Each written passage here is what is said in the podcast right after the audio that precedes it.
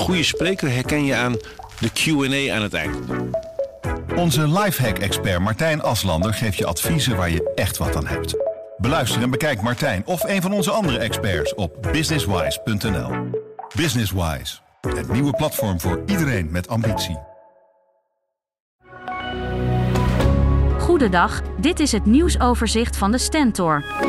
Vrachtwagenchauffeurs van PostNL staken vandaag. Dat duurt tot morgenochtend. Pakketjes kunnen daardoor vertraagd zijn. De chauffeurs krijgen een loonsverhoging van bijna 10%. Maar vakbond FNV vindt dat niet voldoende. Wat takjes in de dakgoot en een mus op het dak. Die twee feiten zijn voldoende om de geplande investeringen van een uitgekochte kalverboer te dwarsbomen. De ondernemer uit Hierde spreekt van doorgeschoten regelgeving. De bekende ondernemer Henny van der Most maakte van de koperen hoogte een iconische eetgelegenheid. De familie Yang kocht het pand bij de lichtmis en maakt nu uitbreidingsplannen bekend.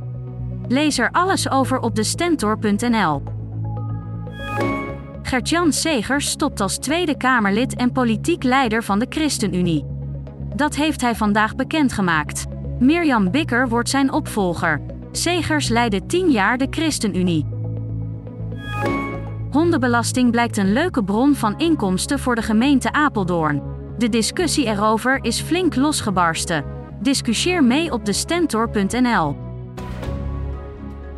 Tot zover het nieuwsoverzicht van de Stentor. Wil je meer weten? Ga dan naar de stentor.nl. Mensen luisteren niet naar wat je zegt, maar kopiëren wat je doet.